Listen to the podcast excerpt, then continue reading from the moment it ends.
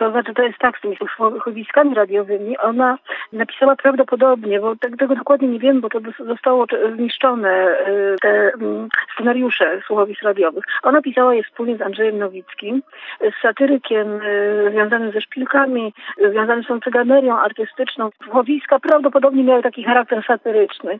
Y, komentowanie tej lokalnej, stołecznej rzeczywistości w jakiś taki satyryczny sposób takie postaci typowe dla ówczesnej Warszawy, panny, które gdzieś tam się pojawiają, tacy powiedziałabym ulicznicy warszawscy. To były takie słuchowiska z wykorzystaniem piosenek. Zuzanna uprawiała satyrę od czasu do czasu i tak jak ja to nazwałam, to były takie liryczne satyry. Andrzej Nowicki był rasowym satyrykiem i to właśnie on chyba tutaj miał wpływ na to, że taka była prawdopodobnie wymowa tych słuchowisk, taka bardzo satyryczna, współczesna, lokalna. Informacje o trzech się zachowały, ale żadne nie zachowało się ani w scenariuszu, ani nagrania się nie zachowały. Z tym, że chciałam od razu powiedzieć, że Anna Ginczanka nie występowała w tych słuchowiskach. Z ówczesnej prasy też wiadomo, y, jacy aktorzy odgrywali kolejne role, które były wyznaczone w takich słuchowiskach. Mogę powiedzieć jako ciekawostkę, że jedną y, z ról odgrywała Irena Kwiatkowska. Z tego co wiem, to nie zachowały się również nagrania głosu Zuzanny Ginczanki. Ja nigdy nie słyszałam, jak Ginczanka mówi i mogę sobie tylko wyobrażać, ale często jest tak, że tam nasza wyobraźnia trochę nas zawodzi.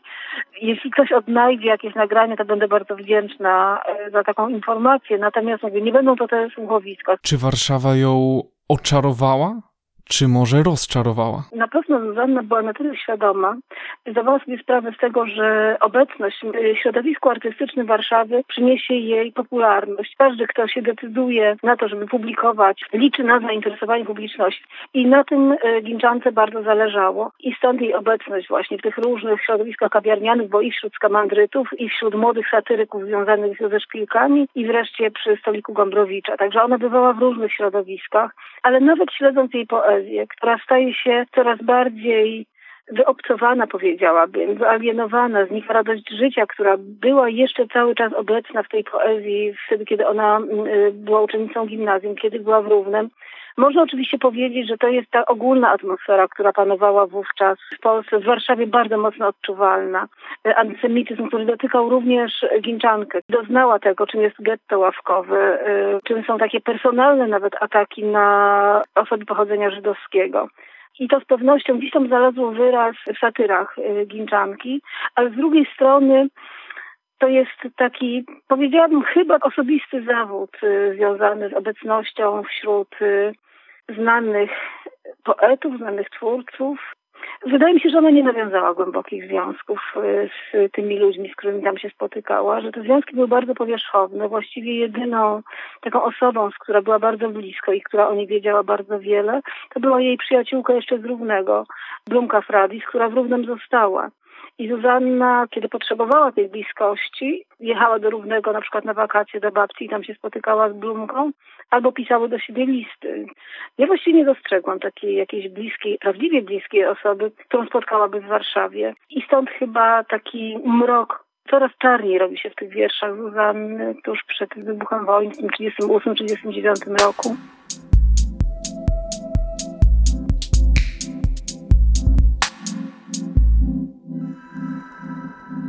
Poezja w Radiu Luz.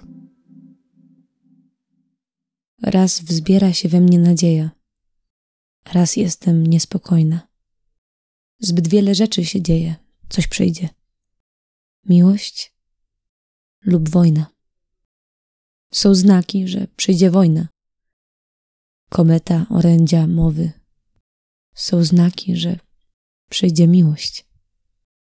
Serce zawroty głowy.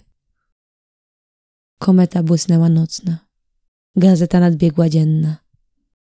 O wiosno, wiosno miłosna. Nie, nie miłosna, wojenna. Nie chciałabym je tak polonistycznie jej e, charakteryzować, a nie porównywać do jakichkolwiek ugrupowań poetyckich.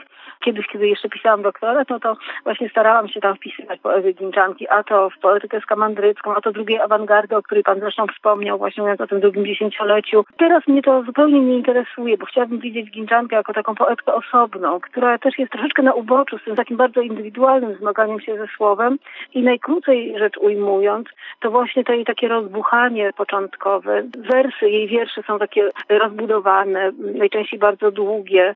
Metafory właściwie są właśnie synestezy. Tam wszystko można usłyszeć, zobaczyć, poczuć. I te wiersze potem robią się coraz bardziej skromne powiedziałabym. Coraz mniej właśnie tego rozbuchania takiego, które być może też wynika stąd, że ten jej zachwyt nad światem stawał się coraz bardziej stonowany. Może zachwytu nad światem nieco ubywało, co wydaje się bardzo zrozumiałe. Te wiersze już pod koniec okresu międzywojennego stają się coraz ciemniejsze, ale też pod względem poetyki one są coraz bardziej harmonijne, surowe, subtelne, wersy stały się coraz krótsze. Ja tak sobie czasem myślę, że Zuzanna znikała w tych wierszach. Od tych właśnie takich bardzo rozbudowanych wersów po wersy czasem jednowyrazowe było i coraz mniej. I to, coraz mniej znalazło swój wyraz y, pod koniec wojny, kiedy, kiedy Zuzanny zabrakło. Na maju rozstaju stoję u dróg rozdrożnych i sprzecznych, gdy obie te drogi Twoje wiodą do spraw ostatecznych. Tęsknota nadciąga chmurą. Wieści przez radio płyną. Czy pójdę, czy pójdę górą, czy pójdę doliną?